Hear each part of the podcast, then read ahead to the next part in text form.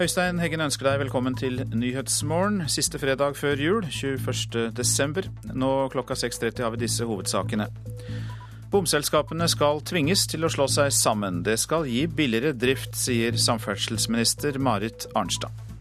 Ja, Det er helt meningsløst eh, framover at du skal ha driftskostnader knytta til hvert enkelt bompengeprosjekt, som igjen har hvert sitt selskap og hvert sitt styre. Kredittkortene går varme denne jula. Kreditorforeningen advarer mot tidenes jul på krita. Framtida for mange asylbarn blir avgjort av Høyesterett i dag. I formiddag forkynnes altså dommen der alle de 19 høyesterettsdommerne er involvert. Uansett utfall blir den spesiell fordi den også handler om maktfordelingen mellom domstolene og forvaltningen. Og nye massedemonstrasjoner er ventet i Egypt i dag.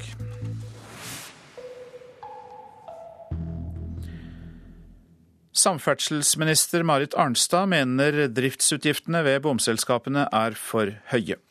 Tidligere i vinter kritiserte Riksrevisjonen bomselskapene for å drive for dyrt. Nå varsler samferdselsministeren flere tiltak for å få ned utgiftene. Kostnadene er for store. Eh, I dag brukes det altså 818 millioner kroner på, på drift, og det utgjør 12,5% av, av det bilistene betaler inn, og det er altfor mye. Så de kostnadene må ned. Ny motorvei betyr også nye bomstasjoner. Pengene skal gå til å betale dyre veier, men mange av kronene forsvinner i rene administrasjonsutgifter. Derfor varsler samferdselsministeren raske endringer for å få ned driftskostnadene.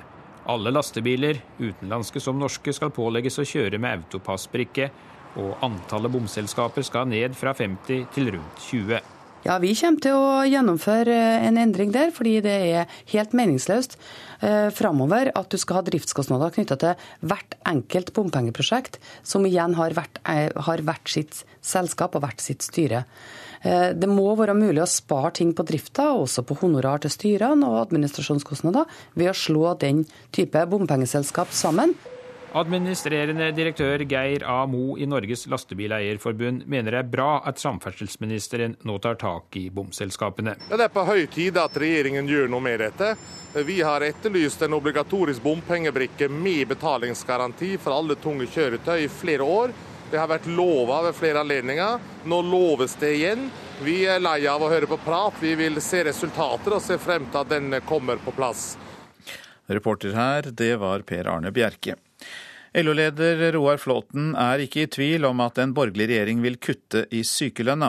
Noen forsøker å skape et inntrykk av at en borgerlig regjering ikke vil gjøre endringer i sykelønnsordningen. Det er i beste fall forbundet med stor usikkerhet og mye forvirring, sier Flåten til Avisenes nyhetsbyrå. Høyre og Fremskrittspartiet har ikke vedtatt kutt i sykelønna, verken i denne perioden eller i programforslagene, men det beroliger ikke LO-lederen. Han mener at det er store spenninger innad i disse partiene om både sykelønn og andre stridsspørsmål. Kreditorforeningen advarer mot at årets jul kan bli tidenes kritehjul. Det er anslått at nordmenns pengebruk i jula kommer til å ligge på over 50 milliarder kroner. Men bruk av kredittkort kan skape problemer for mange, advarer Henning Hauso, styreleder i Norges kreditorforbund. Vi registrerer en økning i antall betalingsanmerkninger og utover i eh, året, og ikke minst eh, når man kommer ut i mai-juni. Noe som, eh, som, tyder på at det er desember måned som, som er hovedårsaken. Man tenker i nuet, og altfor mange baserer seg på at dette skal vi nok få, få ryddet opp i på, eller annet, på en eller annen måte, og så klarer man ikke det. Regninger har en tendens til å konkurrere mot hverandre, og da blir det til at de som ikke når opp, de havner på, på bordet hos oss i inkassoselskapene. I dag kommer høyesterettsdommen som kan avgjøre framtida for over 400 asylbarn. I Bergen venter sju år gamle Nathan og familien på et endelig ja. Etter mange opp- og nedturer så kan det bli dagen som setter et viktig punktum. Det tror familiens støttespiller Aina Heldal Bø. Hei.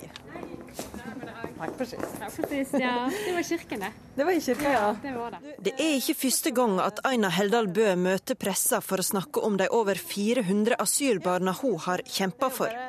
Næreste nabo i Arna i Bergen er sju år gamle Nathan, som har blitt ansiktet til den politisk betente saka. Etter mange opp- og nedturer skal Høyesterett i dag sette et viktig punktum. Jeg tror egentlig ikke jeg greier å forklare hvor spent jeg er. De vil nok legge ganske klare føringer for hvordan saker skal bli behandlet i det videre. 19 dommere har i fem dager sete sammen for å klargjøre vilkårene for opphold i Norge, og hvordan en kan prøve barnas beste. Er Nathan sine sju år i landet nok til at han kan kalle seg norsk? Hva jeg tror? Jeg tror og håper at det skal gå barnas vei. Skulle ut av landet før midnatt, men Nathan får likevel feire 17. mai i Arna. Familien har prøvd å skjerme Nathan fra politikken rundt framtida hans. Samtidig har de gått til sak mot staten og Utlendingsnemnda. Heldal Bø tror ei positiv avgjørelse i Høyesterett kan gjøre at familien slipper kampen i tingretten. Hvis en plenumssak i Høyesterett går i barnas favør, så eh, tror jeg UNE har ingenting å stille opp med den 19. februar. Reporter Siri Kleiven Strøm. Ann Margrethe Austnad, du er generalsekretær i NOAS, altså Norsk organisasjon for asylsøkere. Hva skal Høyesterett egentlig avgjøre, altså hvilke prinsipper står opp mot hverandre?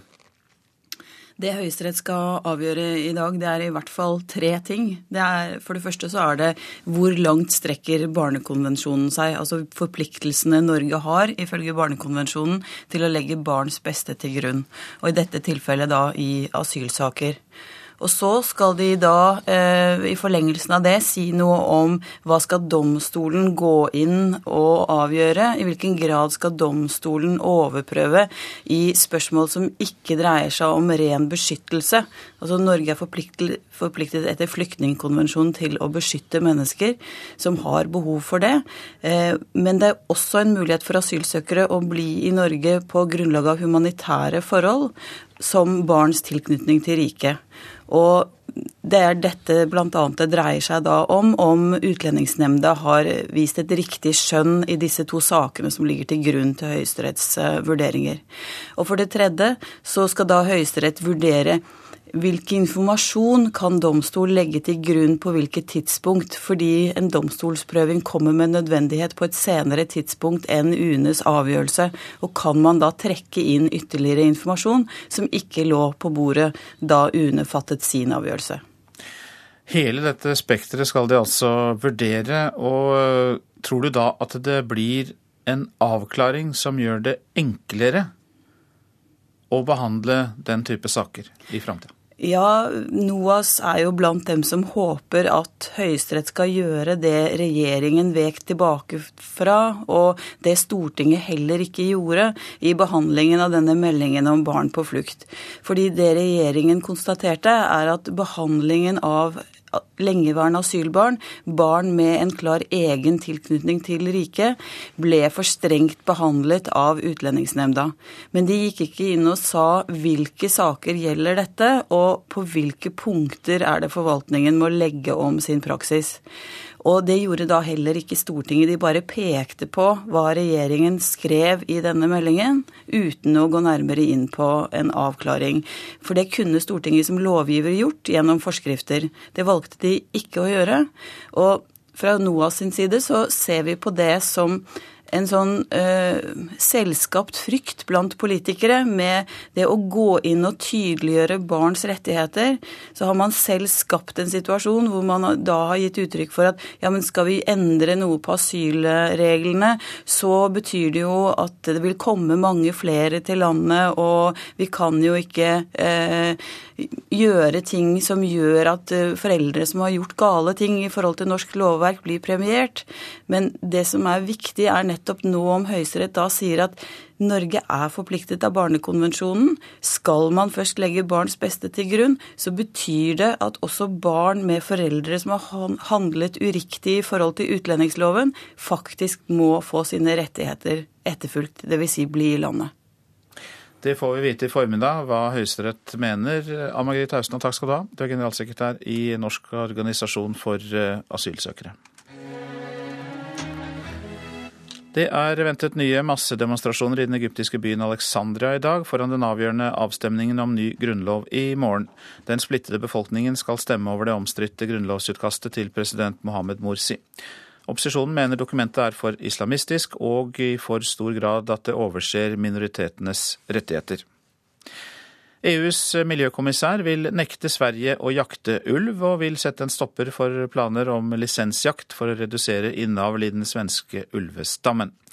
Sveriges miljøvernminister Lena Ek er sint på kommisjonen, som hun mener ikke ser at selektiv lisensjakt gagner både ulvestammen og menneskene. Jeg er faktisk overhørt oerhört uh arg på kommisjonen. At, uh, Svensk rovviltforvaltning går inn for å skyte de ulvene som mest bærer preg av innavl. Antallet ulv i Sverige og tilgrensende områder i Norge beregnes i dag til vel 300 dyr. Den svenske miljøvernministeren tror ikke at EUs miljøkommisjon har forstått hvorfor svenskene vil skyte ulv, så hun tror det blir jakt uansett. Regjeringen kommer til å besvare dette brevet. Och jeg jag har för avsikt att även be Naturvårdsverket att ytterligare noga diskutera förutsättningarna och utformning av en eventuell genetisk förstärkande urvalsjakt med kommissionen.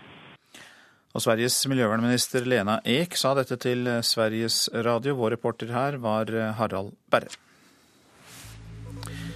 Så til det avisene skriver. Sivile vil overta politiets arbeid, skriver Bergens Tidende. Sivilt ansatte må få etterforske hverdagskriminalitet for å få flere politifolk ut i gatene, mener Norsk tjenestemannslag, som organiserer de sivilansatte i politiet.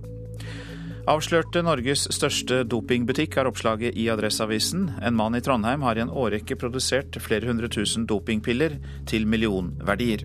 Politiet tror det har vært et organisert kriminelt dopingmiljø i Trondheim i opp mot tolv år. Flasker med olivenolje er på Aftenpostens forside i dag. Før sto greske olivenlunder og forfalt, men nå dyrker nyfattige grekere egne avlinger igjen, og blir reddet av sitt flytende gull. Følelser har kuppet norske rettssaler, er oppslaget i Vårt Land. Før var man uskyldig til det motsatte var bevist. Nå er det motsatt, hevder strafferettsekspert Henrik Bliksrud. Jens Stoltenberg vil ha en felles bekreftelse om EØS, skriver Nasjonen, etter en høst med hardt EØS-kjør. Medgir statsministeren at en bekreftelse fra de rød-grønne om at de er enige om å fortsette dagens EØS-politikk, vil være nyttig. EØS-avtalen kan ikke bli bedre, sier Espen Barth Eide til Klassekampen. Reforhandling, slik SV og Senterpartiet vil, er, umul er mulig, sier utenriksministeren. Men han er overbevist om at Norge da vil få en dårligere avtale med EU enn i dag. Opprørte badegjester i Kristiansand eh, blir hørt av politikerne, kan vi lese i Fedrelandsvennen. Høyre og Kristelig Folkeparti mener eh, noen av prisene i det nye Akvarama er for høye. Badeanlegget krever f.eks. 550 kroner for en helgebillett for en familie på fire. Tvillingdøtrene til eh, Jon Fredriksen har snakket med Dagens Næringsliv. Cecilie og Katrine feiret shippingmilliardæren med hummer, fransk årgangsvin og opera i går, og sier at 2012 var et fantastisk år for pappa. Her blir det kaos, er oppslaget i Dagbladet, som skriver om snø, storm og stengte veier i jula. Mens VG forteller oss om hvordan vi skal lage den beste jula, som bl.a. byr på de fineste tipsene til amatørnissene. Tonnevis av mat går rett i søpla. Dagsavisen ber oss om å stanse opp og vurdere om vi trenger all den maten vi kjøper i dag.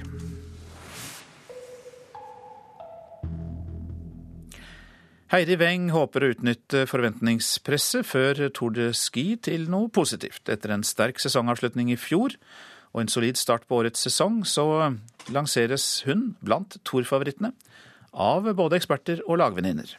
Nei, jeg har hørt det, da. Det er, jo, det er jo litt moro, da. Om noen har tro på meg i Tour de Ski, så er jo det motivasjon. Eh, og det gjør jo at jeg har troa på meg sjøl. Tross sin unge alder på 21 år må Heidi Weng finne seg i å nevnes blant favorittene i årets Tour de Ski.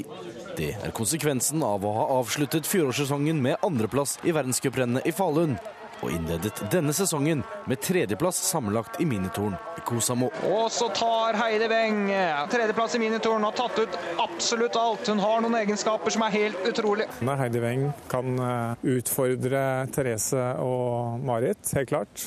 Sier NRKs langrennsekspert Thomas Alsgaard og også Therese Johaug, Vibeke Skofterud og Marit Bjørgen er fulle av store ord om lagvenninnen. Heidi er ei offensiv jente og um, ja, har stor respekt for, for henne. Hun er veldig uredd, og det må du være skal du klare å hevde deg i den idretten her. Hun er tøff i huet. En tøff løper, offensiv. Og hun er smart. Hun er litt lik Petter i, i sporet. jo da, det er jo det er koselig, det. Jeg har blitt sammenligna med Petter og Marit og det som er, så jeg er jo ikke meg sjøl. I Tour de Ski kan hun skape blest rundt sitt eget navn. Hun tør å drømme stort, men er rustet for en eventuell nedtur. Tour de Ski det er jo det jeg satser mest på i år. Jeg har jo selvfølgelig store forventninger, men samtidig så skal jeg gjøre så godt jeg kan. og Jeg er fortsatt 21 år, og jeg er jo forberedt på begge deler. At det kan gå bra, det kan gå dårlig. Så hvis det går dårlig, så, så ser jeg fram til neste sesong. Heidi Weng til reporter Christian Myrseth. Sjakkspilleren Magnus Carlsen er ingen idrettsutøver, det sier idrettspresident Børre Rognlien til VG. Sjakkforbundet er ikke medlem av Idrettsforbundet. Magnus kan være medlem av et idrettslag, det vet ikke jeg, sier Rognlien, men han eh, er ikke representert som idrettsutøver, men som sjakkspiller. På spørsmål om hvorfor ikke Sjakkforbundet er medlem av Idrettsforbundet, svarer Ranglingen at det bare er særforbund som driver med idrett som blir tatt opp som eh, medlemmer. Du lytter til Nyhetsmorgen. Klokka den har passert 6.46. Dette er hovedsakene. Bomselskaper skal tvinges til å slå seg sammen. Det skal gi billigere drift, sier samferdselsminister Marit Arnstad. Kredittkortene går varme denne jula. Kreditorforeningen advarer mot tidenes jul på krita. Framtida for mange asylbarn blir avgjort av Høyesterett i dag. Ann Margrit Austenaa i NOAS sa nettopp i Nyhetsmorgen at hun håper Høyesterett kommer med den avklaringen for asylbarna som politikerne ikke ville gi.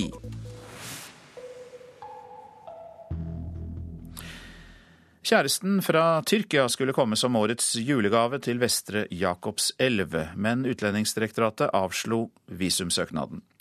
Astrid Harila skulle gitt besøket til Norge som en gave til datteren sin, og mener at Norge nå er blitt et lukket land når selv inviterte gjester ikke er velkomne. Jeg er ganske sjokkert. Jeg trodde rett og slett ikke at det var sånn at vi i Norge ikke fikk invitere folk på besøk. Det sier Astrid Harila i Vestre Jakobselv, som ville gi kjærestebesøk fra Tyrkia i julegave til sin datter Miriam. Visumavslaget fra UDI kom som en uventa skuffelse på den forelska 17-åringen. Jeg syns det er veldig dumt, da. Jeg hadde sett for meg at han skulle komme hit og feire jul, og jeg kunne vise han Norge, da. Og han var jo veldig klar for det også.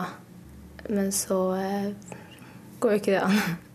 Miriam ble forelska i 20-årige Batuhan Shalishkan da hun var på ferie i Antalya i Tyrkia sist sommer. Der har Batuhan fast jobb og en stor familie. Så verken han eller Miriam skjønner avslaget fra UDI, der hovedbegrunnelsen er at han ikke skal ha tilstrekkelig sterk tilknytning til hjemlandet sitt. Hvor god tilknytning har man når man er 20 år gammel? Det kan ikke UDI svare på for de kan ikke kommentere enkeltsaker. Men på generelt grunnlag er reglene klar, det sier Steinar A. Munch Rotevatn, som er enhetsleder i visumenheten i UDI. 95% av alle visumsøknader innvilges på verdensbasis. Men enkelte får avslag på visumsøknadene sine fordi de ikke har dokumentert tilstrekkelig tilknytning til hjemlandet. Så må det være sannsynliggjort at vedkommende vil reise tilbake til hjemlandet etter endt besøk. Jeg kunne ikke se noen grunn til at han ikke skulle få være her, fordi han hadde jo ikke planer om å bli her heller. Det er jo litt sånn ovenfra og nedad-holdning at vi eh, rike nordmenn vi tror ikke at folk kan ha andre intensjoner enn at de bare skal bli her. Det sier en indignert Astrid Harila på vegne av sin datters kjæreste, og fremholder at Norge virker lite gjestfritt når man inviterer til julebesøk. Men UDI fremholder at Norge ikke er et lukka land, fordi flesteparten av visumsøknadene innvilges. Så vi har ikke lukkede grenser for mm. visumbesøk. Reporter her, det var Toril Olsen. Flere ønsker å få spredt sin aske etter sin død. Jølstad begravelsesbyrå har registrert en markert økning i slike forespørsler, og regjeringen ønsker å myke opp reglene for askespredning. Uhørt, sier deler av Den norske kirke. Det var en eh, grå dag en søndag i begynnelsen av november. Geir Borgen har grått, langt hår. Litt kjølig, litt regn i lufta. Og eh, dattera mi og jeg hadde bestemt oss for å ta kajakkene. Tidligere i høst gjorde han noe flere og flere gjør. Og så eh, holdt hun urnen mens jeg skrudde av lokket. Og, så spredte vi kajakkene akkurat nok til at vi kunne få urnen ned mellom kajakkene. Og spredde asken da mellom kajakkene og ned i vannet. Tall Kulturnytt har hentet inn fra alle fylkesmennene, viser at dobbelt så mange får spredd asken sin nå enn hva tilfellet var for ti år siden. Jeg er vel ikke overraska, for vi har jo sett at det er eh, flere som ønsker å benytte seg av den muligheten. Kirkeminister Rigmor Aasrud har merket økningen og sender nå et brev til fylkesmennene hvor hun ber de myke opp praksisen. Slik vil enda flere få muligheten til å spre asken der de ønsker. Ja, det, det, som er nytt i det rundskrivet som vi nå sender ut, er at det går an å spre i elver eh, og på innlandsvann. I det samme brevet presiserer Aasrud at det ikke er lov til å sette opp gravminnene i naturen eller å få inngravert navnet på en gravstein om du velger å spre asken din. Ja, Det vil ikke være mulig at vi skal ha minnesmerker rundt omkring i alle områder der man uh, sprer aske. Og, og, på gravplassene er det jo forbeholdt uh, de som da blir gravlagt der. Det, det er rart. Og for meg så henger det da henger de litt etter tida. Det synes ikke Borgen noe om. Uh, og jeg tenker at I alle familier så vil det vel være noen som syns at det med askespredning er fint, og, og, det å kunne dra ut til fjorden uh, eller andre steder uh, er fint. Mens noen er kanskje mer tradisjonelle og vil ha gravsted, et gravsted å gå til. og Spesielt hvis det er et familiegravsted, at det kan være hyggelig å ha alle navnene der. I dag er det litt over 1% av de som dør som får spredt asken sin. Begravelsesbyrået Jølstad tror det tallet bare vil øke. At det er økende, det ser vi en tendens til. og Det er det undersøkelse som viser at det kommer til å fortsette. Jeg er Jan Willy Løken. Jeg er administrerende direktør, daglig leder i Jølstad begravelsesbyrå. Norstat undersøkte dette for oss i høst. De eh, svarene vi får der på spørsmål om hvordan man selv ønsker å bli gravlagt, så svarer 8% at man ønsker askespredning enten på fjellet eller i havet. Tilbake ved Oslofjorden.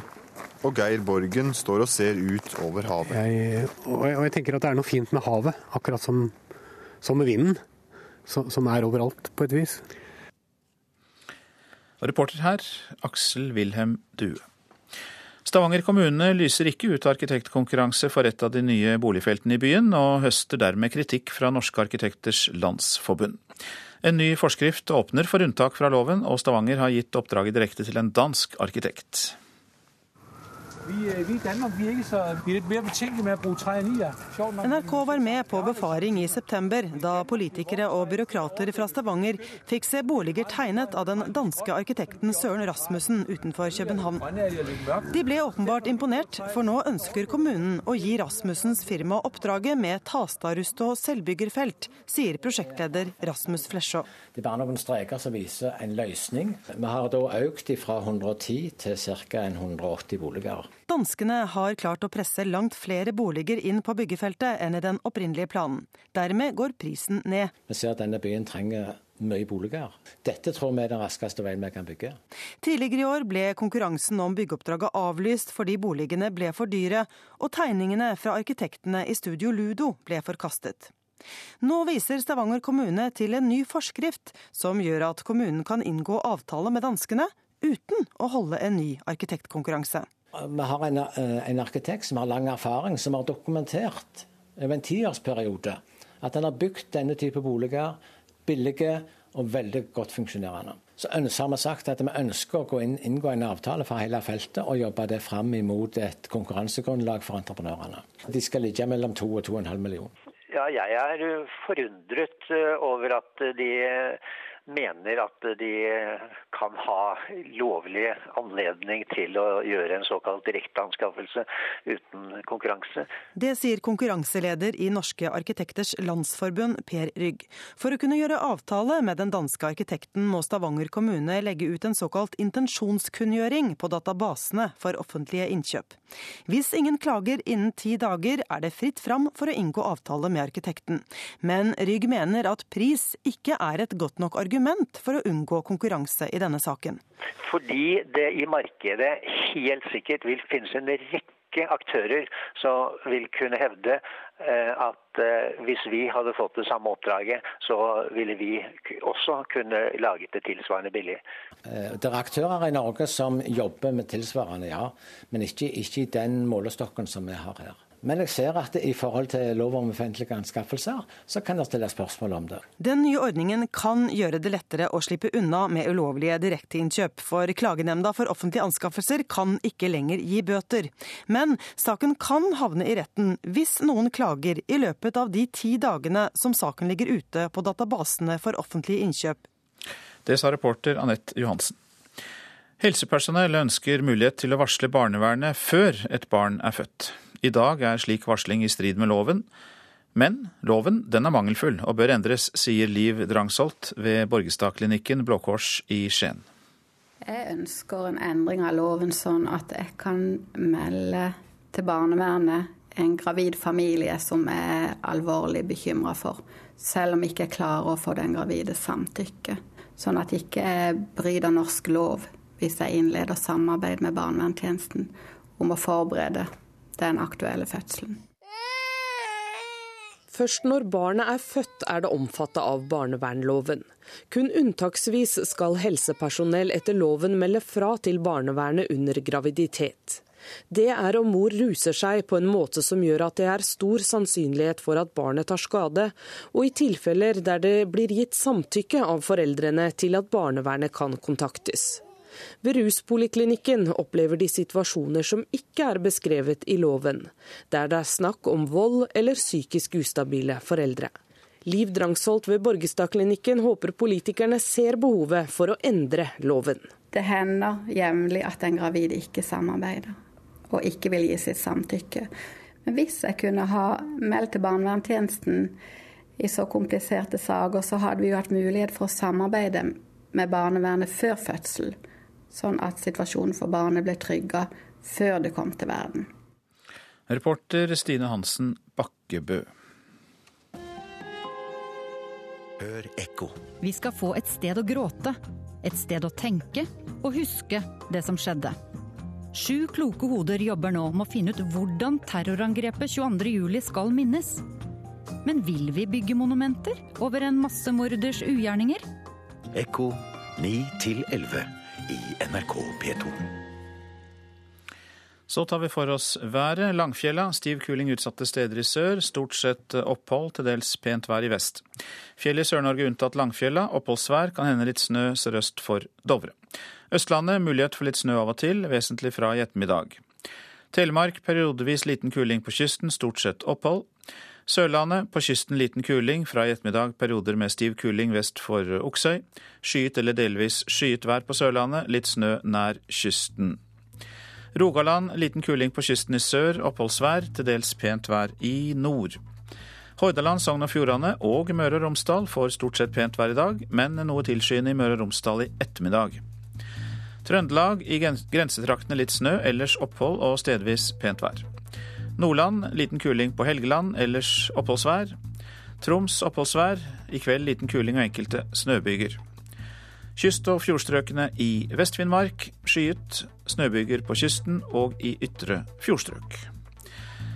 Så var det Øst-Finnmark og Finnmarksvidda. Skyet eller delvis skyet. Spredt snø. Nordensjøland på Spitsbergen. Vestlig stiv kuling utsatte steder. I ettermiddag sterk kuling. I kvest i kveld nordvestlig stiv kuling og snøbyger. Så tar vi for oss temperaturene slik de var klokka fire i natt. Svalbard lufthavn minus tre, Kirkenes minus tolv. Vardø null grader. Alta minus sju, Tromsø-Langnes minus to. Bodø minus fem, Brønnøysund minus én, Trondheim-Værnes minus ti. Molde minus to, Bergen-Flesland minus fem. Stavanger null grader. Kristiansand-Kjevik minus to. Gardermoen minus ti. Lillehammer minus tolv. Røros minus åtte. Og Oslo-Blindern minus ni grader.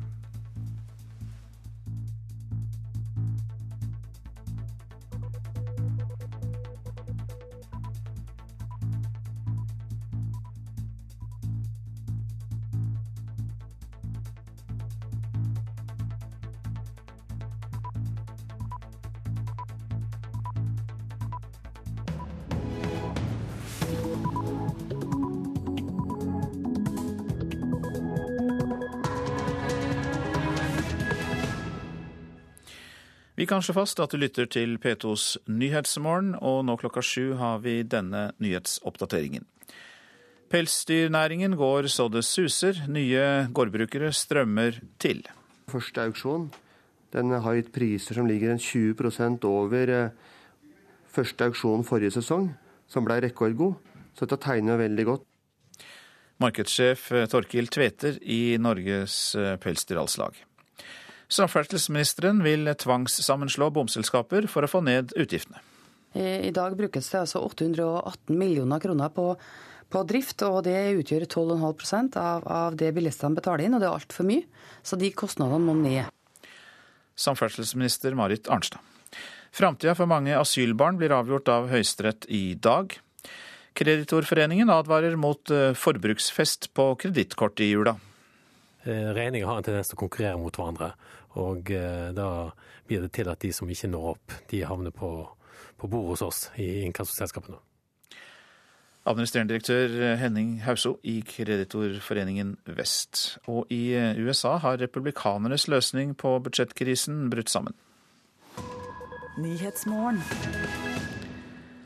Pelsdyrnæringen i Norge trekker til seg ungdom som aldri før. Til tross for trusselen om nedleggelse av både mink- og revefarmer, så har rundt 25 nye yngre bønder begynt med pelsdyroppdrett det siste året. Og det er store penger å hente på pelsoppdrett. Du skal ikke være redd for lukt når du driver med dette her. Britt Unni Storile tar på seg kjeledressen for å gå inn til dyra sine på minkfarmen i Brumunddal. Hun er ny i en næring som er truet av nedleggelse, og hun er ikke den eneste. Bare det siste året har vi fått rundt 25 nye unge pelsdyroppdrettere her i landet. Det er rekordmange.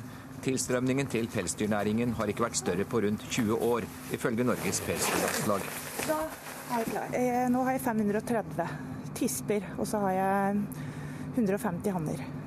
Og du satser på å øke? Ja, jeg gjør jo det. Men eh, altså med det bråket som har vært rundt nå, så er det jo litt i stuss òg, må jeg innrømme. Men eh, jeg syns det er så interessant at jeg Det blir nok at jeg gjør det, tror jeg.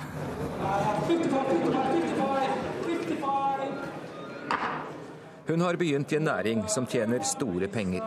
På auksjonshuset Saga First Helsingfors gikk de første minkskinnene til Britt Unni under hammeren denne uken. I salen satt rundt 400 oppkjøpere fra hele verden, men de fleste kom fra Asia og Russland. De kjøper mink og rev som aldri før, og de ga like godt den norske nybegynneren rekordpriser, sier markedssjef Torkil Tveter i Pelsdyralslaget. Det er gått uh, veldig godt for uh, Britt Unni. Har ikke så veldig mange skinn med på første auksjonen sin, men uh, resultatet hennes er godt, det. Hun har en pris for skinna som faktisk er 30 kroner over gjennomsnittet for auksjonen her borte. De beste skinnene hennes de er godt over 900 kroner.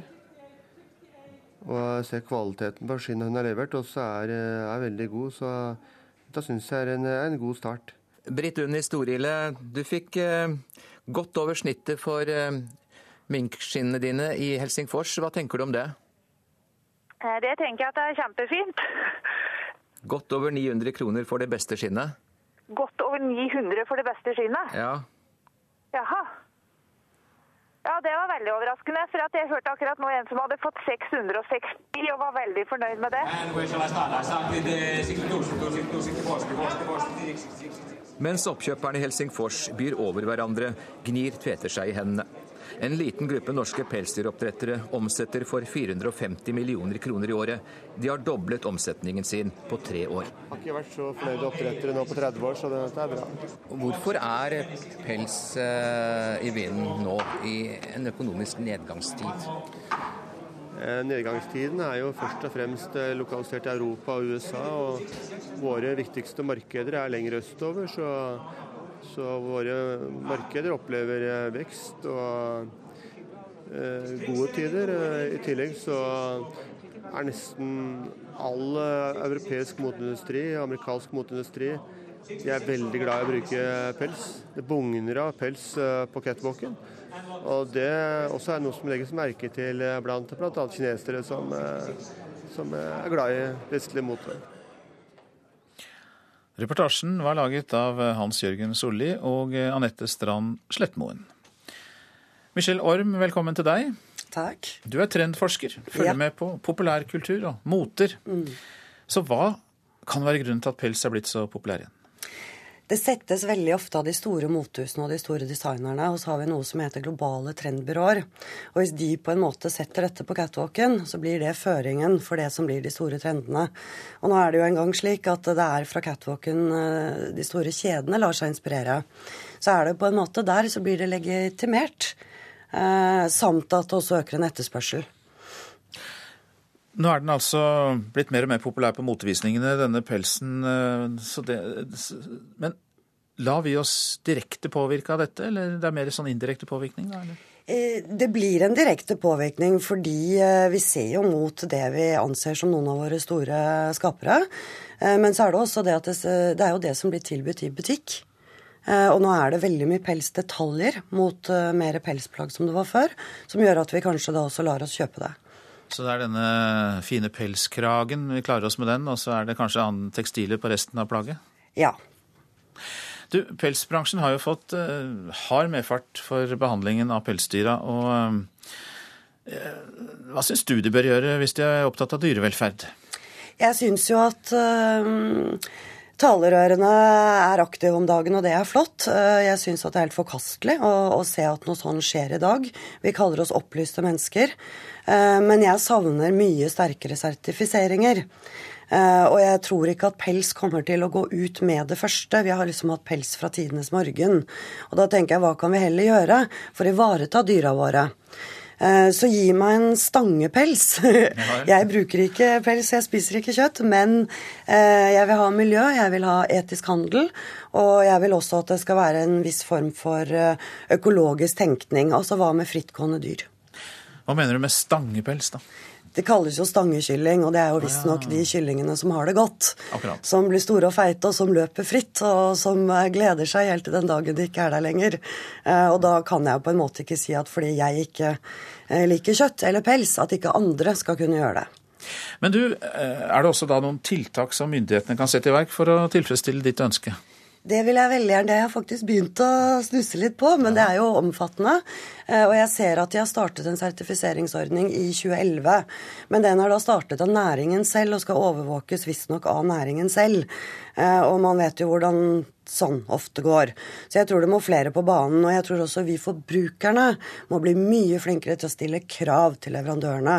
Og si at ok, hvis jeg er glad i pels, så skal jeg vite hvordan har det dyret hatt det. Og da skal jeg kunne stole på en sertifisering i Norge.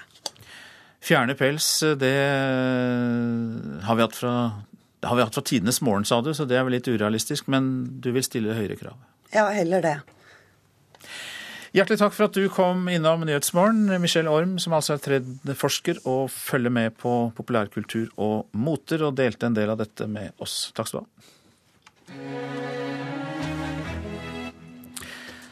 Samferdselsminister Marit Arnstad mener driftsutgiftene ved bomselskapene er for høye. Tidligere i vinter kritiserte Riksrevisjonen bomselskapene for å drive for dyrt, og nå varsler samferdselsministeren flere tiltak for å få ned utgiftene. Kostnadene er for store.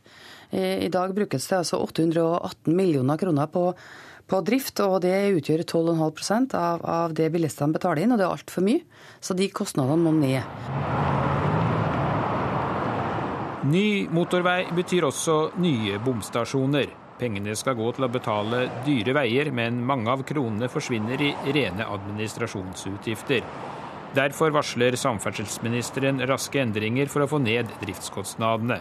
Alle lastebiler, utenlandske som norske, skal pålegges å kjøre med autopassbrikke, og antallet bomselskaper skal ned fra 50 til rundt 20. Ja, Vi kommer til å gjennomføre en endring der, fordi det er helt meningsløst eh, framover at du skal ha driftskostnader knytta til hvert enkelt bompengeprosjekt, som igjen har hvert, har hvert sitt selskap og hvert sitt styre. Eh, det må være mulig å spare ting på drifta, også på honorar til styrene og administrasjonskostnader, ved å slå den type bompengeselskap sammen. Administrerende direktør Geir A. Mo i Norges Lastebileierforbund mener det er bra at samferdselsministeren nå tar tak i bomselskapene. Ja, det er på høy tid at regjeringen gjør noe med dette. Vi har etterlyst en obligatorisk bompengebrikke med betalingsgaranti for alle tunge kjøretøy i flere år. Det har vært lova ved flere anledninger. Nå loves det igjen. Vi er lei av å høre på prat. Vi vil se resultater og se frem til at den kommer på plass. Geir Mo mener også at forslaget om færre bomselskaper er et skritt i riktig retning. Når det gjelder eh, bompengeselskapene, så er det et skritt i riktig retning. Vi vil eh, ha ett bompengeselskap og ett kundesenter. Nå foreslår de 20. En god mellomting ville være å gjøre som Statens vegvesen har foreslått, nemlig å ha én i hver region pluss fjellinja. Pengene som spares ved enklere drift skal gå til mer vei, lover samferdselsministeren. Og jeg tror nok at Når du først nå har bompengeopplegget opp og går, så er det viktigst å få mest mulig vei på kortest mulig tid, sånn at du også får fjerna bommene etter hvert for bilistene sin del. Det er et standpunkt Lastebileierforbundet er godt fornøyd med. Det bør definitivt gå til mer vei. Det er derfor de kreves inn, for at det skal gå til utbygging av veier. Også kommunikasjonssjef Hilde Foss Christensen i det største bomselskapet Fjellinjen i Oslo mener samferdselsministerens forslag har mye for seg. Flere bombrikker vil føre til mer effektiv drift, sier hun. Selskapet støtter også forslaget om at antallet operatører skal ned, men mener samtidig at det må komme bedre avtaler for drift og vedlikehold av data og annet utstyr. Og mens departementet arbeider med å få ned driftskostnadene, fortsetter pengene å strømme inn hos bomselskapene. I fjor la vi igjen 6,6 milliarder kroner. Ja, til slutt er reporter Per Arne Bjerke. Det er anslått at nordmenns pengebruk i julen kommer til å være over 50 milliarder kroner i år. Økt forbruk gir også økt mislighold. Derfor advarer Kreditorforeningen om at årets jul kan bli tidenes kritehjul. Jeg har ikke rødt med litt gull på. Nei, det har jeg ikke. Nei. For Hege Antun er ikke julehandelen over ennå. På Sletten senter i Bergen prøver hun å finne de siste julegavene. Jeg har ikke helt kontroll på hva det blir til sammen, men eh, 10 000 kanskje. Ifølge arbeidsgiverorganisasjonen Virke kommer vi nordmenn til å handle for over 50 milliarder kroner i desember. Men en annen ting som også går opp i juletiden, er bruken av kredittkort. Det er folk som bruker mye kredittkort. Det merker Eva Sundberg, som står bak kassen i glassdøybutikken. Kjøper dyre gaver, og vi selger veldig mye dyre gaver. Det gjør vi. Forbruksfest i jul med kredittkort kan gi skikkelig økonomisk bakrus for mange. Det sier administrerende direktør Henning Hauso i Kreditorforeningen Vest. Vi registrerer en økning i antall betalingsanmerkninger og utover i året, og ikke minst når man kommer ut i mai-juni. Noe som, som, tyder på at det er desember måned som, som er hovedårsaken. Mer enn 223 000 nordmenn har én eller flere anmerkninger på seg. Og antall betalingsanmerkninger og inkassosaker har økt de siste fem årene til tross for lav arbeidsledighet og lav rente, sier Hauso. Han mener årets jul blir tidenes kritehjul. Man tenker i nuet, og altfor mange baserer seg på at dette skal vi nok få, få ryddet opp i på, en eller annen måte, og så klarer man ikke det. Regninger har en tendens til å konkurrere mot hverandre, og da blir det til at de som ikke når opp, de havner på, på bordet hos oss i inkassoselskapene.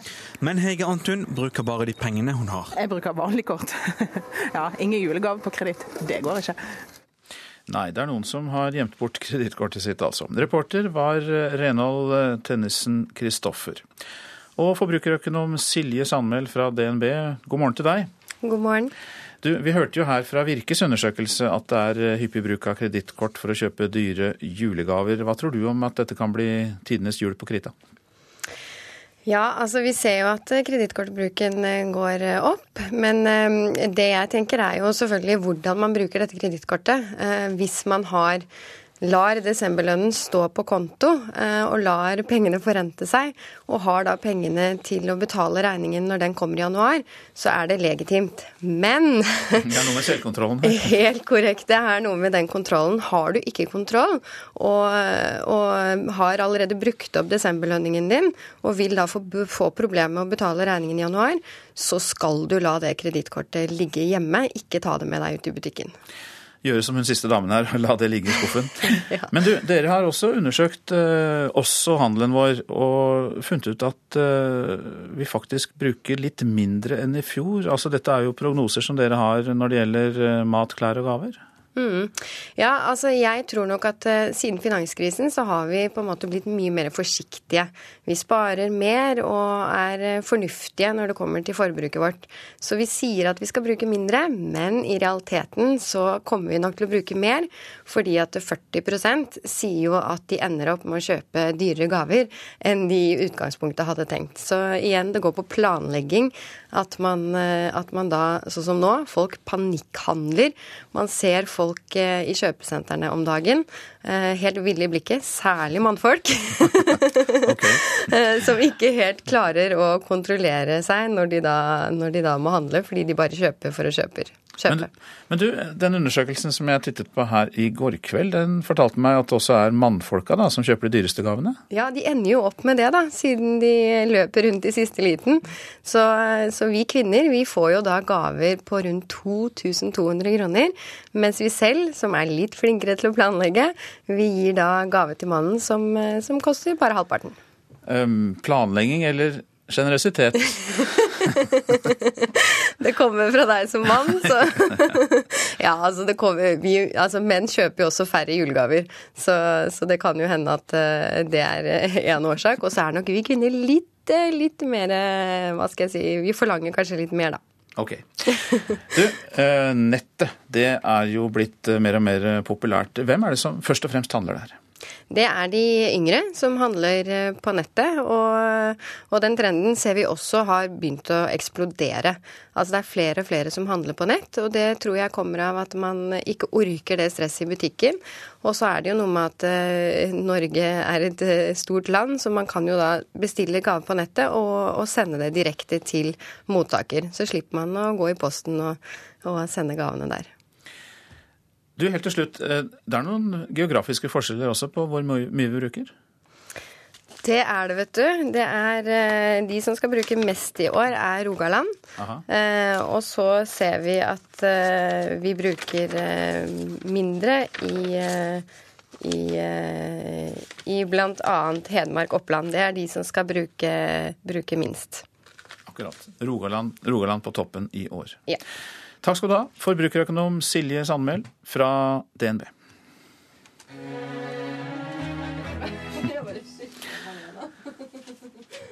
Og idet vi sier farvel til deg, så nevner vi at eh, Norwegian-pilotene stevner arbeidsgiveren for arbeidsretten fordi selskapet har endret de ansattes pensjoner fra ytelses- til innskuddspensjon. Målet med endringen er å redusere framtidige pensjonsforpliktelser, men eh, pilotene mener endringen er et brudd med avtalefestede rettigheter, skriver Dagens Næringsliv og Finansavisen i dag.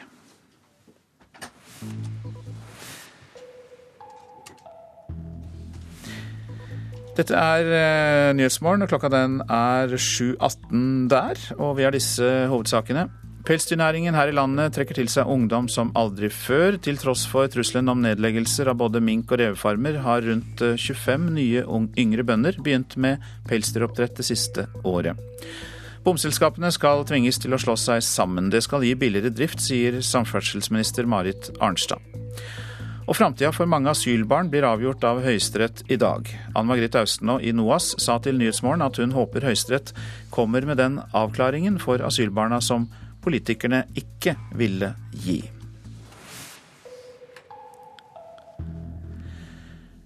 En svensk tenåringsgutt innrømmer nå at han eh, sto bak Instagram-kontoen som førte til voldsomme opptøyer i Gøteborg tidligere denne uka. Det er Aftonbladet som melder det. Og du har fulgt med på dette, reporter Katrine Humberseth. Hva mer vet du? Ja, dette handler altså om en konto på bildedelingstjenesten Instagram, hvor over 200 jenter ble hengt ut med navn og bilde. De ble hetsa og kalt for horer, og i tillegg oppga kontoen navn på personer som disse ungdommene skal ha hatt sex med. Ei 17 år gammel jente ble tidlig mistenkt for å stå bak denne kontoen, og ble nødt til å gå i skjul. Hun har hele tida nekta for å ha hatt noe med det her å gjøre, og nå hevder altså en gutt overfor Aftonbladet at det var han som oppretta kontoen. Ja, Hva forteller han om det han har gjort? Han forteller at han gjorde dette for moro skyld, og at han ble sjokkert over konsekvensene det fikk. For kontoen har skapt flere voldelige opptøyer i Gøteborg, og politiet har brukt store ressurser på å roe ned stemninga. Den mistenkte jenta har som sagt vært nødt til å gå i skjul, og gutten som nå påtar seg skylda, sier at han vil hindre at flere blir feilaktig mistenkt. Han sier også at han har vurdert å gå til politiet, men at han er redd for hvordan folk vil reagere. Mange takk skal du ha, Katrine Humberseth, som altså hadde sett på denne saken i Sverige for oss i Nyhetsmorgen. Det er ventet nye massedemonstrasjoner i den egyptiske byen Alexandria i dag foran den avgjørende avstemningen om ny grunnlov i morgen. Den splittede befolkningen skal stemme over det omstridte grunnlovsutkastet til president Mohammed Morsi. Norske myndigheter skal ifølge VG ha møtt veggen i forsøket på å få til en soningsoverføring til Norge for Kjostov Moland og Joshua French. En norsk delegasjon la i sommer fram et ønske om å komme til Kongo for å forhandle om utlevering. Men UD har ikke fått svar fra kongolesiske myndigheter.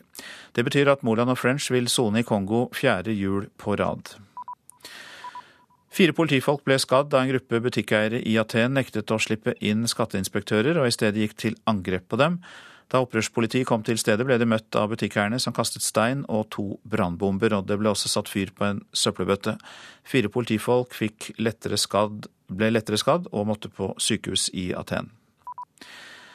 FNs sikkerhetsråd har enstemmig godkjent å sende en afrikanskledet intervensjonsstyrke til Mali, der islamister med tilknytning til Al Qaida har tatt kontrollen nord i landet.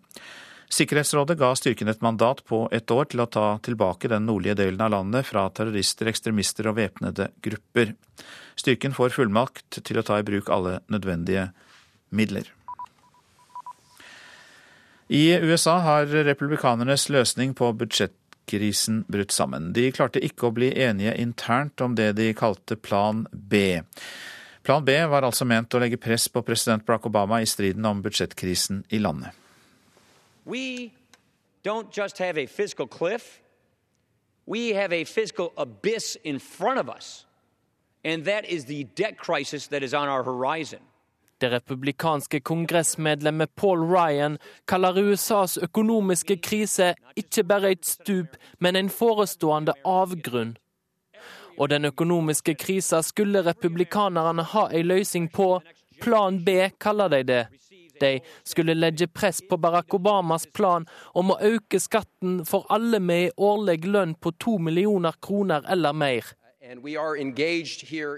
Republikanernes tilsvar var at bare de med lønn på seks millioner kroner måtte få høyere skatter. Men det gikk ikke som det skulle. Internt klarte ikke republikanerne å komme til ei semje. Dermed kan store allmenne skatteøker settes i gang 1.1. Mange frykter at dette skal sende USA inn i en økonomisk tilbakegang. Uh,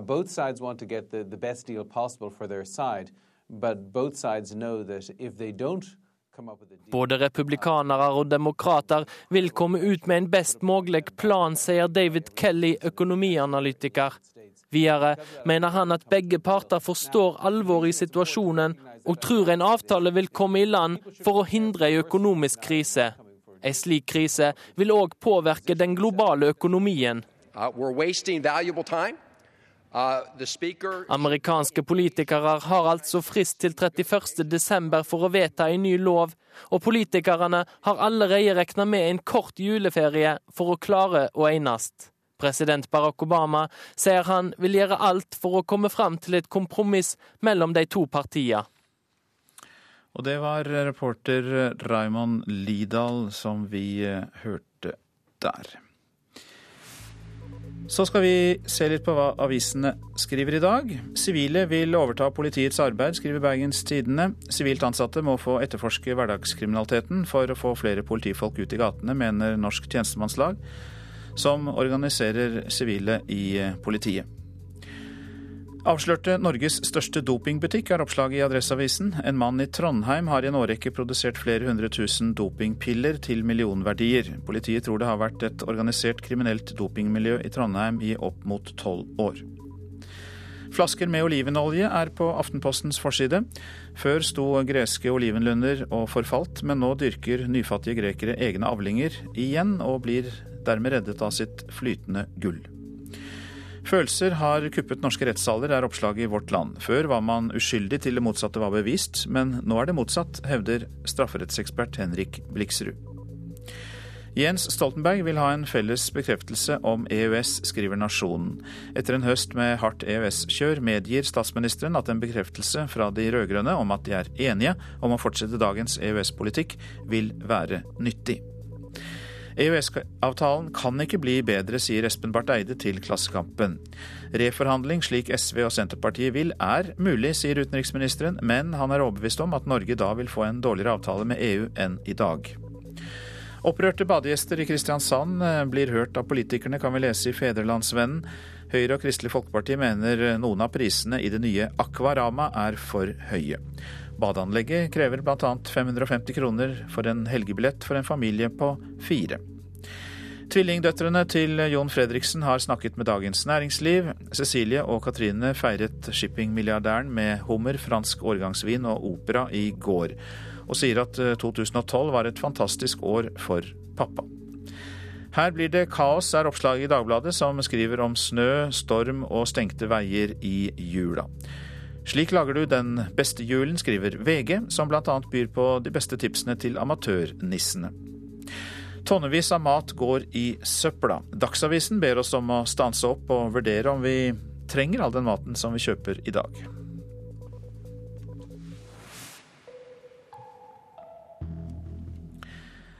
Etter tre års arbeid ble trygghetsalarmen SafeMate nylig lansert, for en måneds tid siden altså.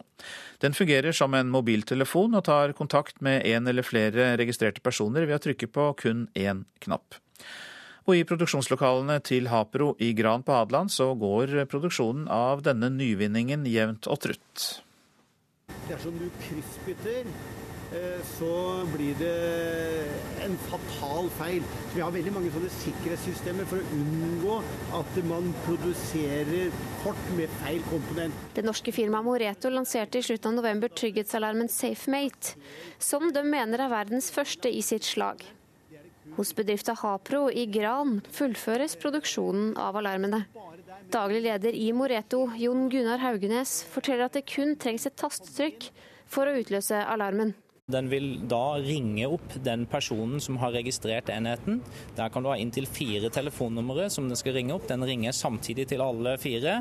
Førstemann som tar samtalen, får samtalen, eh, og den oppretter en toveis samtale som en mobiltelefon. Samtidig vil alle de andre mottakerne inkludert den som har tatt den, få en eh, tekstmelding som du kan klikke på og få opp kartet og posisjon hvor personen befinner seg. Du tenker kanskje mest på eldre folk når du hører ordet trygghetsalarm. Men de små boksene som ferdigstilles i Gran, er mynta på folk i alle aldre. Hadelandsbedrifta ser potensial i produksjonen, og markedsdirektør Terje Vestby krysser fingra for at mottagelsen av produktet blir bra. Ambisjonene våre er å ha i området fem eh, til sju personer jobbende med dette prosjektet. Men øker volumet, blir det den suksessen vi alle håper på i markedet, ikke bare her i Norge, men eh, rundt om i verden, så eh, har vi full muligheter til å øke kapasiteten fortløpende. Tilpasse den til det markedet etterspør. Flere norske bloggere har introdusert alarmen til sine unge lesere. Spesielt jenter som vil føle seg tryggere på vei hjem fra byen eller når de er ute på egen hånd. Men hva skjer egentlig hvis ingen svarer? Og vil det hjelpe å trykke på knappen uansett hvor man befinner seg? Da prøver en om igjen, om igjen, om igjen eh, til noen svarer. Eh, nå er ikke GSM et nødnett, eh, og den bruker det samme nettet som mobiltelefonen. Men den har eh, god dekning. Jeg var på fjellet her eh, forrige søndag og hadde ikke dekning på min iPhone, men hadde dekning på SafeMaten. Men er selvfølgelig avhengig av eh, GSM-dekning. Og I løpet av våren så er det planlagt å integrere lyd i denne alarmen, slik at det høres også når den utløses. Så reporter var Silje Josten Lien. Silvio Berlusconis gjeninntreden på hovedscenen i italiensk politikk. Det er tema for reportasjen etter Dagsnytt. Og i Politisk kvarter skal flere av de politiske kommentatorene slippes løs eh, for å se på det politiske året. Produsent for Nyhetsmorgen, Jean-Rik Bjørnskau. Her i studio, Øystein Heggen.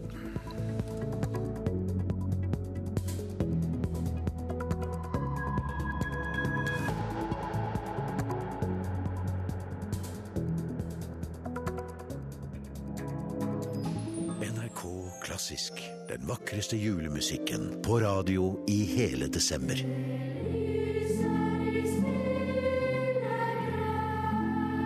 NRK Klassisk.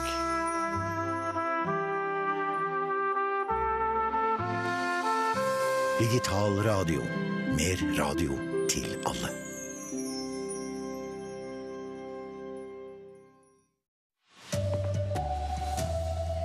Pelsdyrnæringa går som det suser, nye gårdbrukere strømmer til. Samferdselsministeren vil tvangssammenslå bomselskap for å få ned utgiftene. Og kreditorforeningene advarer mot forbruksfest på krita. Her er NRK Dagsnytt klokka 7.30. Pelsdyrnæringa i Norge trekker til seg ungdom som aldri før. Trass i trugsmål om nedlegging av både mink- og revefarmer, har rundt 25 nye, yngre bønder begynt med pelsdyroppdrett det siste året. Og det er store penger å hente. Du. Britt Unni Storile tar på seg kjeledressen for å gå inn til dyra sine på minkfarmen i Brumunddal. Hun er ny i en næring som er truet av nedleggelse, og hun er ikke den eneste. Bare det siste året har vi fått rundt 25 nye unge pelsdyroppdrettere her i landet. Det er rekordmange. Tilstrømningen til pelsdyrnæringen har ikke vært større på rundt 20 år, ifølge Norges Pelsdyrlandslag. Da er jeg klar. Eh, Nå har jeg 530 tisper, og så har jeg 150 hanner. Og du satser på å øke? Ja, jeg gjør jo det. Jeg syns det er så interessant at jeg Det blir nok til at jeg gjør det, tror jeg.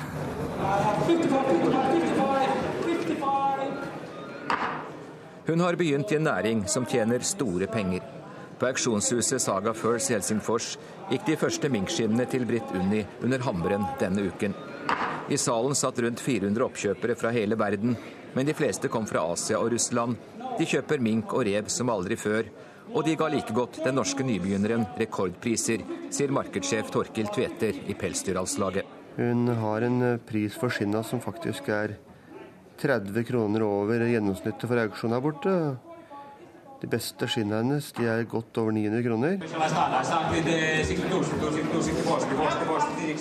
Mens oppkjøperne i Helsingfors byr over hverandre, gnir Tveter seg i hendene. En liten gruppe norske pelsdyroppdrettere omsetter for 450 millioner kroner i året. De har doblet omsetningen sin på tre år. Jeg har ikke vært så fornøyde oppdrettere nå på 30 år, så dette er bra. Reportere var Hans Jørgen Solli og Anette Strand Slettmoen. Og trendforsker Michelle Orme, hvor populært er pels i dag? Pels er fortsatt populært, selv om man kanskje ikke tror det. Det har forandret seg litt. Fra at eh, vi hadde hele plagg, pels, kåper osv., til at det er mye mer pelsdetaljer i motebildet i dag. Som på assessoarer, på krager, på sko osv.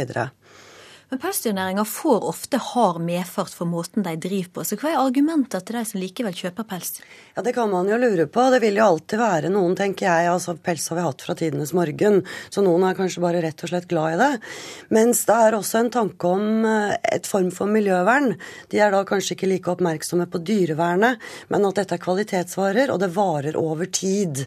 Det er noens argumenter. Takk skal du ha, trendforsker Michelle Orme. Det koster for mye å drive bomselskap, ja det mener samferdselsminister Marit Arnstad.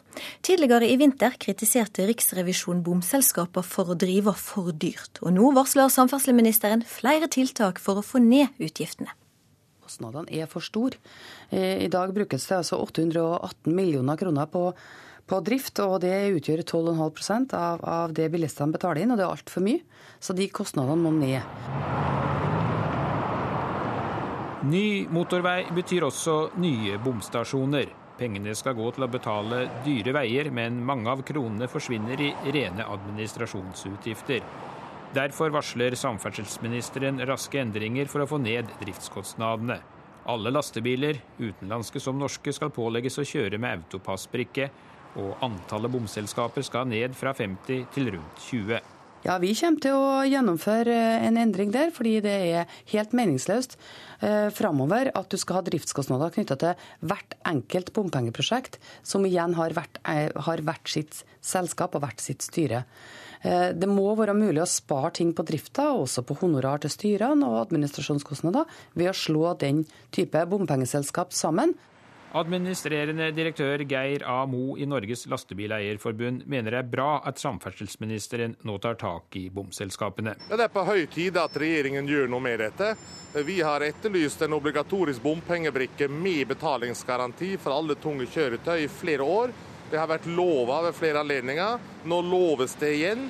Vi er lei av å høre på prat. Vi vil se resultater og se frem til at den kommer på plass sa Geir Amo i Lastebileierforeninga til reporter Per Arne Bjerke. Helsepersonell vil ha lov til å varsle barnevernet før et barn blir født. Dersom helsepersonell mistenker vold, rus eller psykisk ustabile foreldre, så bryter de lova dersom de melder fra om det, sier Liv Drangsholt ved Borgestadklinikken i Skien. Jeg ønsker en endring av loven sånn at jeg kan melde til barnevernet en gravid familie som er alvorlig bekymra for, selv om ikke klarer å få den gravide samtykke. Sånn at jeg ikke bryter norsk lov hvis jeg innleder samarbeid med barnevernstjenesten om å forberede den aktuelle fødselen. Ved ruspoliklinikken opplever de situasjoner som ikke er beskrevet i loven, der det er snakk om vold eller psykisk ustabile foreldre. Liv Drangsholt ved Borgestadklinikken håper politikerne ser behovet for å endre loven. Hvis jeg kunne ha meldt til barnevernstjenesten i så kompliserte saker, så hadde vi jo hatt mulighet for å samarbeide med barnevernet før fødsel, sånn at situasjonen for barnet ble trygga før det kom til verden. Reporter i denne saka var Stine Hansen. En svensk tenåringsgutt innrømmer nå at han står bak Instagram-kontoen som førte til voldsomt ungdomsopprør i Gøteborg tidligere denne veka. Det melder Aftonbladet. Over 200 jenter ble hengt ut med navn og bilde og hetsa på kontoen for noen dager siden. Ei 17 år gammel jente ble skylda for å stå bak. Men nå hevder altså en gutt at det var han som oppretta kontoen, og sier at han gjorde det for moro skyld.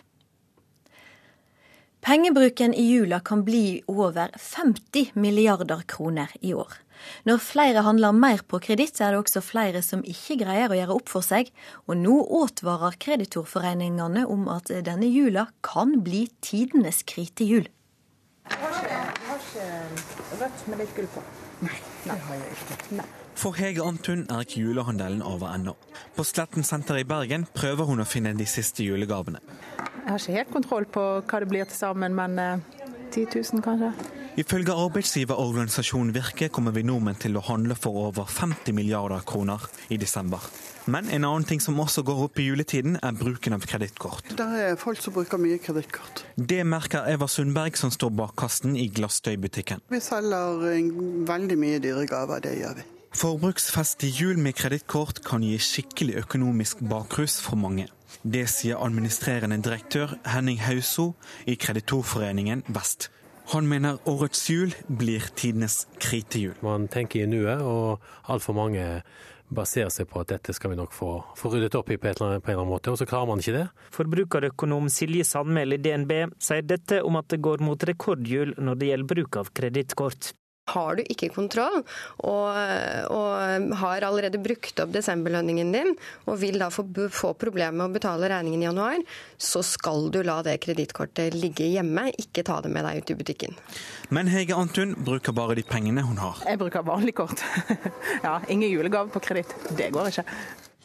Reportere Renhold Tennisen Kristoffer og Håvard Grønli.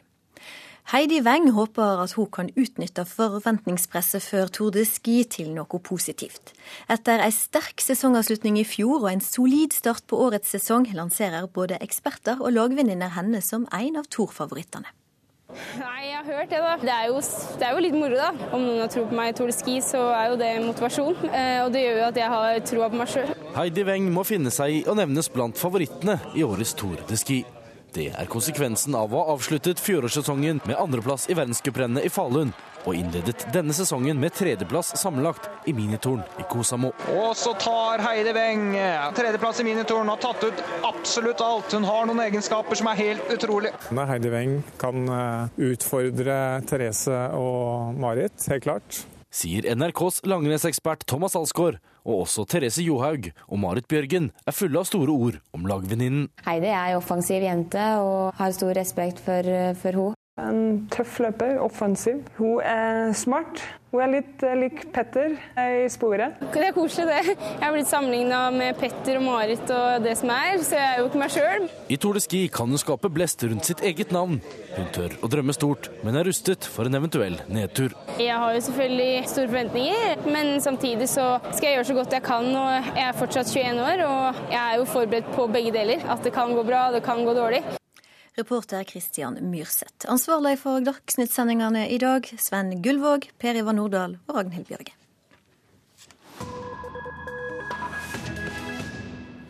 Dette er eh, Nyhetsmorgen. I Italia står mye på spill. Statsminister Mario Monti, av mange kalt Italias redningsmann, forbereder sin avgang, men blir kraftig oppfordret til å stille som kandidat ved valget om to måneder. Samtidig har den omstridte Silvio Berlusconi erklært at han har ambisjoner om å bli landets statsminister for fjerde gang. Arnt Stefansen har laget denne reportasjen.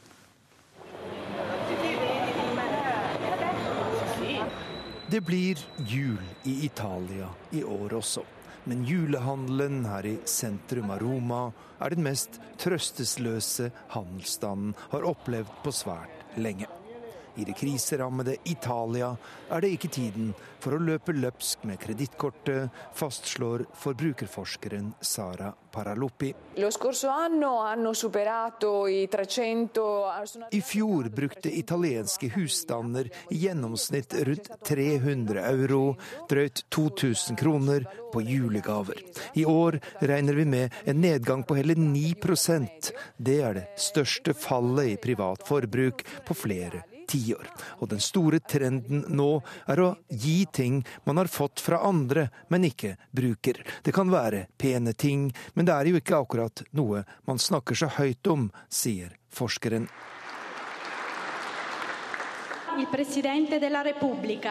Det er den store krisa det handler om, i hverdagslivet som i politikken når Italias samlende skikkelse, president Giorgio Napolitano, holder sin julemottakelse for landets elite og utenlandske ambassadører, har han et dypt alvorlig budskap på hjertet. La recessione si prolunga e.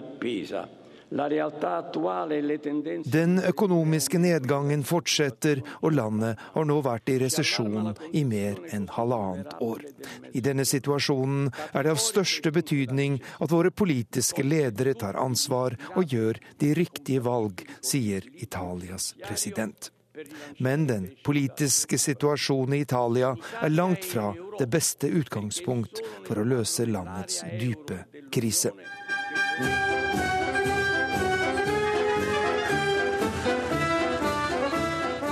Den populære komikeren og skuespilleren Roberto Benigni har fått en gavepakke i fanget. Alle humoristers drømmepolitiker er tilbake i sentrum for den offentlige debatten.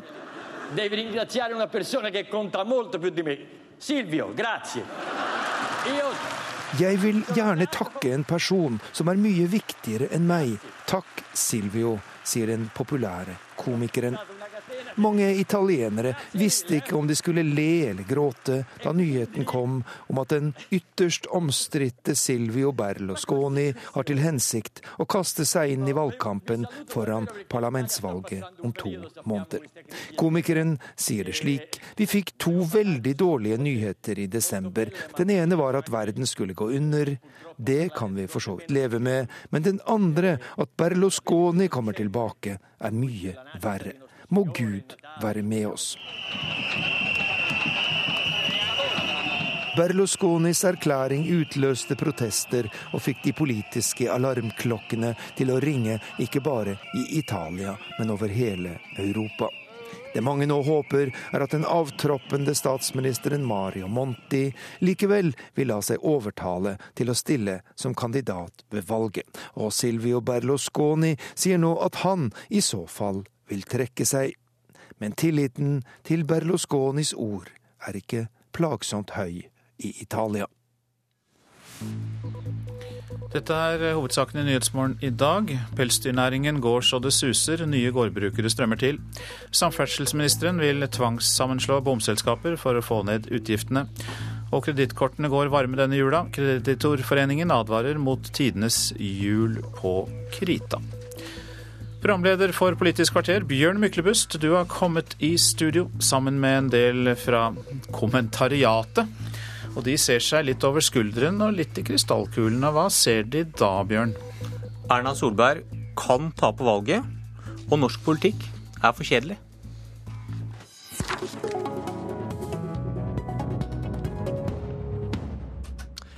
Jeg begynner med det siste. Jeg er Sjur Holsen, politisk redaktør i Bergens Tidende. Du syns norsk politikk er kjedelig? Ja, eh, tidvis, og, særlig nå så, så, gjør jeg faktisk det. Altså nå, nå, er ikke det nødvendigvis noe problem. Vi skal være glad for at uh, vi har et uh, det går godt i Norge, vi har et harmonisk samfunn, og iblant så ser vi TV-bilder fra parlamentarikere som slåss i sånne rare land. Det, det, det, er ikke der vi skal.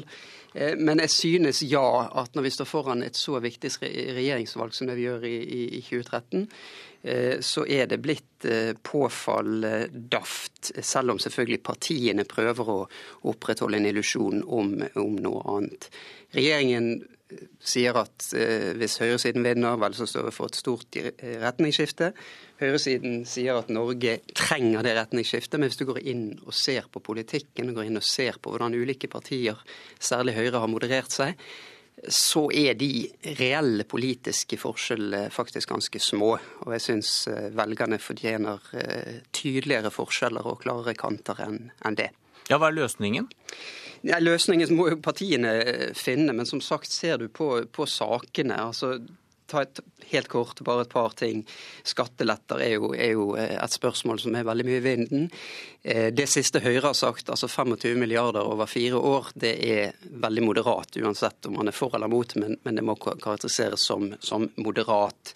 Det snakkes mye om privatisering. Ja, her vil høyresiden noe annet enn regjeringen, men det er nå engang bare 2,5% av norske skolebarn som går i private skoler. Der er 1,5% av norske sykehjem som drives av private kommersielle aktører. De må gjøre veldig mye før dette skal bli et reelt eh, sporskifte i norsk politikk. Og til slutt sykelønn og arbeidsliv. Her har Høyre også myknet veldig. I dag er det faktisk Venstre som, som er skarpeste kritikeren av, av, LO og av uh, mye arbeidslivspolitikken. Slik at disse reelle politiske forskjellene er i ferd med å bli nokså små. Og det handler jo selvfølgelig om at kampen står om disse såkalte lilla velgerne, altså de som befinner seg et sted mellom Høyre og Arbeiderpartiet de er ganske mange. De er Norges Ohio, Norges svingstat. Eh, og det kan bli for moderat og for harmonisk, eh, frykter jeg. Martine Erdal, leder av samfunnsavdelingen i Dagbladet. Er du enig i at eh, forskjellene ikke er store nok? Jeg er enig i at forskjellene i norsk politikk er ganske små. Vi er et Eh, såkalt konsensusdemokrati. Og det er, eh, det er ikke så stor forskjell uansett hvilket av partiene på Stortinget eh, som har størst makt. Samtidig så står vi foran et valg der det faktisk står om helt reelle forskjeller. Og statsminister Jens Stoltenberg hadde jo sin avsluttende pressekonferanse denne uka, og han har jo helt rett i det han vektla der foran dette valget, at det er det første valget der alle partiene, bortsett fra de rød-grønne, eh, går til valg på regjer et regjeringsalternativ som helt eksplisitt kan inkludere Fremskrittspartiet. Og det er jo et uh, langt steg i en tydelig retning på borgerlig side, som nettopp vil vil gjøre dette til et valg som, som i månedene framover vil tydeliggjøres som et veivalg. Fridtjof Jacobsen, kommentator i VG. Kan Erna Solberg tape valget neste år? Ja, hun kan det. Eh, og det vet hun selv òg, tror jeg. Eh, og det er ikke noe hyggelig tanke, men eh, veien til å tape det valget eventuelt det, altså, det, ser jo ganske Det ser jo relativt umulig ut på målingene nå. De rød-grønne har jo tapt sånn 20, ca. 20 mandater omtrent på hver eneste måling. Men det er mulig for Erna Solberg og de borgerlige å tape til valget. Og, og veien dit er å bevege seg vekk fra eh, fra det litt sånn eh, trygge og kjedelige som Sjur Holsen snakker om, tror jeg, og ut i mer sånn eh, klassisk uh, konservativ høyrepolitikk. For da mister de disse velgerne i midten, og da kan alt skje. Er de avhengig av en løsning på dette nullskattyterproblemet? Du, Holsen, nevnte jo også dette med formuesskatt. Mm. Ja, jeg tror eh, de er det. Ikke minst fordi de har flagget det så tydelig selv. De sier de skal finne en løsning på nullskattyterproblemet før de eh, gjør noe med formuesskatten. Eh, nå vet alle som kan litt om skatt at det er en veldig krevende øvelse. Det er ikke sikkert det engang lar seg gjøre. Men, men, men, men, det må de gjøre. Både fordi de har flagget det selv, og fordi det er eh, genuint upopulært i Norge eh, at noen skal gå helt fri. Og det er også kanskje skadelig for eh, hva skal vi si, solidariteten i, og oppslutningen om, eh, om skattesystemet. Jacobsen? Jeg, jeg, tror det, det med formuesskatten har vært interessant i høst. fordi at eh, det avslører, altså Grunnen til at Høyre er så på, til de grader på ville veier når de begynner å snakke om å avskaffe formuesskatten fordi det er synd på Olav Thon, det er at de da fjerner seg fra hele den politiske strategien som har gitt dem en så stor oppslutning. Eh, og den har Erna Solberg oppsummert eh, ganske godt selv. Eh, altså at Det handler om mennesker og ikke milliarder, og at det handler om virkelige eller gode løsninger på virkelige problemer som mange opplever. Altså at den norske middelklassen, hvis du kan kalle det det, flokker seg rundt Høyre fordi de rett og slett syns at nå har det vært nok rødgrønt. Vi har hatt åtte år med rødgrønt. Vi syns at Jens er ålreit, og vi syns at Jonas er fantastisk, og han snakker så fint, og han er pen, og han er ordentlig. Men vi vil gjerne ha noen nye mennesker. Og det er en ganske sånn grunnleggende politisk impuls at uh, man etter åtte år vil ha noen nye mennesker til å styre landet. Samtidig så viser alle målinger at de vil ikke ha så veldig nytt land. De vil ha omtrent det samme landet som vi har i dag, men med noen nye mennesker. Ja, Dette har Høyre skjønt for lenge siden, uh, og så jobber de seg inn mot det. Og Hvis de klarer å holde på den strategien, så tror jeg det er umulig uh, å frata dem den seieren. Uansett hvor mye Jens skremmer med at nå skal Frp få makten og tømme oljefondet, og nå skal skattene liksom fjernes for de rikeste, og alle skoler skal bli private, og dette blir bare kaos. Selv om han vil prøve på det helt fram til valget. Men hvis Høyre da eh, liksom innfrir på at nei, det første vi skal gjøre når vi får noen nye folk, det er å fjerne skatten for de aller rikeste i Norge, og så skal vi privatisere en haug med skoler, og så skal du miste masse lønn når du blir syk. Ja, Hvis de gjør det, så, så taper de. Hvis ikke, så tror jeg de har en, en, grei vei. Jeg tror det er veldig mye riktig det du sier, eh, Fridtjof. Men eh, nå har vi begynt valgåret ennå. Og Høyres strategi fram til nå har jo, være, eh, har jo, vært å sitte musestille og ikke, egentlig ikke si noen ting. Og, ikke snakke, og i hvert fall ikke snakke om politikk, men bare satse på at velgerne ønsker seg noe nytt. Og hvis valget står mellom noe nytt og noe gammelt, så vinner Høyre. Men, hvis, men i, i stadig sterkere, så vil jo debatten nettopp dreie seg om politikk. Og da vil det være helt umulig også for Erna Solberg å sitte musestille og ikke snakke om skatt, f.eks. Selv om jeg eh, altså, Nå har jo ikke Høyre sagt at de vil finne noen løsning på dette med formuesskatten før de har fått Finansdepartementet til å regne for seg, og da må de først vinne valget. Eh, så de prøver å unngå disse konkrete politiske løsningene foreløpig, men det er, eh, det er altså lenge til valget, og, og, de blir nødt til å prate politikk før det. Sjur Holsen, eh, en annen side av dette. De fire borgerlige partiene står nærmere hverandre enn før forrige stortingsvalg. Mm. Men vil det holde? Det vil jo tiden vise, men det er, er, åpenbart en veldig veldig tydelig vilje til det nå, der hvor det forrige, forrige gang var eh, kaos og, og, og, eh, oppsplitting, som vi husker. Eh, jeg tror høyresiden lærte mye av det. Jeg er for øvrig helt enig med Martine Ørdal når hun sier vi har to, to mer eller mindre tydelige regjeringsalternativer ved dette valget, og det er bra. Men mitt poeng er altså at jeg skulle også gjerne satt at det fulgte tydeligere politiske forskjeller med med de to alternativene, eh, og, og, og, det er ikke gitt. Skal vi også huske at Arbeiderpartiet har en, en, en, vanskelig oppgave. De skal da gjenvinne dette store feltet av velgere, 120 000-150 000 et eller annet sted der, som i dag sier de vil stemme Høyre, som sist stemte Arbeiderpartiet. Men samtidig så er jo Arbeiderpartiet helt avhengig av å på en eller annen måte få SV og Senterpartiet helst godt opp over sperregrensen, og må kanskje gi noe der. Og Der sitter Arbeiderpartiet i en uh, mulig skvis. Eh, som, eh, som, jeg ikke helt tror de har eh, det strategiske svaret på ennå.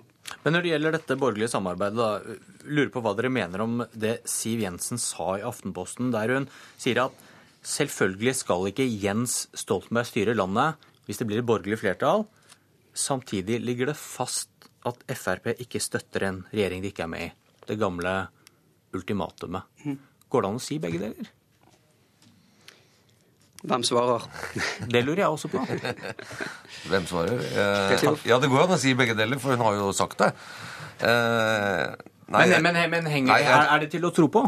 Jeg tror at, uh, jeg tror at uh, det, uh, si, det, viktigste som har skjedd på borgerlig side nå i denne litt sånn under radaren, mens de har vært på et, et, et sånn litt handlingslammet og, og, stadig mindre betydelig storting, er at de fire borgerlige partiene har kommet enormt langt på tre år når det gjelder å stable på beina et helt solid og troverdig borgerlig regjeringsalternativ. Og i Jens Stoltenbergs eh, på en måte skrekkvisjon av hvordan Norge skulle bli hvis ikke han fikk fortsette å styre i fire år til, som han hadde på sin pressekonferanse, så nevnte han jo ikke det vanlige Arbeiderpartikortet, nemlig at de borgerlige er ikke enige, det blir bare kaos, det blir bare kaos, og de ikke, vet ikke hvem som skal styre. For det går ikke an å si lenger. De har funnet fram til at de skal styre sammen. Både Venstre og KrF har akseptert at enten skal de være med, som jeg tror, eh, i en regjering med Frp, eller skal de i hvert fall støtte den på Stortinget. Mm. Høyre og Frp har skjønt at eh, de er såpass, to såpass store partier at de er nødt til å sitte i regjering sammen hvis man skal ha en borgerlig regjering. Da må de gjøre som de har gjort i, i, i mange byer i Norge, sitte sammen og styre. Så det er ryddet av veien. Eh, og det tror jeg er ganske betydelig innsats fra de fire borgerlige partiene å klare det. Og jeg, Det høres bare veldig rart ut å si nå at å, vi vet ikke om de borgerlige klarer å bli enige med regjering. For for det tror jeg rett og slett eh, at det problemet er rydda av veien på borgerlig side. Jeg er helt enig, eh, men jeg tror også at altså, det blir enormt spennende. Kanskje det, kanskje det, mest spennende partiet å følge nå i, i 2013 er nettopp Fremskrittspartiet. For Fremskrittspartiet føler allerede veldig tydelig på det som er SVs dilemma, og har vært det hele tiden eh, i, i den rød-grønne regjeringen. Altså dette at man må jenke seg, man må man må disiplinere seg selv for å sitte i eh, regjering. Og det strider jo veldig mot eh, så å si Fremskrittspartiets natur, som har kunnet ligge i tiår og vært eh, populistisk og annerledes og med litt sånne elleville løsninger på diverse. Den tiden er, eller må være forbi hvis og når Fremskrittspartiet skal gå i regjering. Og det er litt spent på hvordan partiet vil klare å takle det, og hva velgerne, Frp-velgerne vil mene om en sivilisert utgave som vi allerede ser konturene av. Martine Audal, hvor hardt tror du Gjørv-kommisjonen vil ramme Stoltenberg når velgerne skal avsi sin dom? Det er jo ganske lenge igjen til valget fremdeles. Men det som har skjedd i høst, er jo at man har flyttet hele debatten rundt 22.07. fra å handle om Arbeiderpartiet som, som offer og Jens Stoltenberg som representant for både for ofrene og for en, for, en, for en, nasjon i sorg, rett og slett, eh, til å bli eh, mannen som representerer myndighetene og ansvaret. Ja, skal man jo eh, si Det har vært mye rare diskusjoner om ansvar, men, eh, men, forestillingen om Jens Stoltenberg som ansvarlig myndighet som svikta, er det vi har fått eh, befesta i høst. Og det, det er stort, en stor endring for velgerne, og som har flytta hele debatten rundt 22. juli når vi nå skal gå inn i valgåret. Opposisjonen har jo helt åpenbart hatt lyst til at den debatten skal vare ganske lenge. Men men det er så lang tid igjen før valget at eh, jeg tror, eh, tror fokus kan, kan, flyttes flere ganger. VG har vært ganske harde på kommentar- og lederplass. Det var kanskje ikke du som skrev det, Fridtjof Jacobsen. Men eh, kultur og beredskap, det er vel en slags arvesynd, er det ikke det? Og er det urettferdigere hvis, hvis velgerne straffer Stoltenberg for det som skjedde 22.07.? Nei, det er det jo egentlig ikke, siden det var eh, han som hadde styrt landet og hadde, hadde styrt vakt. veldig lenge. Ja, ikke bare vakt, men altså Stoltenberg er tror jeg nok eh, hele 2000-tallets betydeligste politiker. Og den politikeren med aller størst makt og innflytelse på det norske samfunnet i hele 2000-tallet er nok Jens Stoltenberg. Eh, så hvis noe har gått galt i det politiske systemet med beredskap og, og måten vi var forberedt på til 22.07, så er det klart at eh, det fins ikke noen med noe større politisk ansvar enn han. Eh, han har også styrt en flertallsregjering eh, siden 2005, som betyr at han har hatt større makt enn noen norsk statsminister siden Gerhardsen. Eh, men om velgerne vil straffe han for det, det er jeg litt mer usikker på. Jeg syns jo Arbeiderpartiet selv etter den Gjørv-kommisjonsrapporten, som jo er vel den, den verste dommen over en, en, norsk regjering noensinne, så, så har ikke det vist at det har skjedd så mye på meningsmålingene med det. Fridtjof Jacobsen, Martine Aurdal, Sjur Olsen, Takk for at dere tenkte høyt i Politisk kvarter, som var ved Bjørn Myklebust.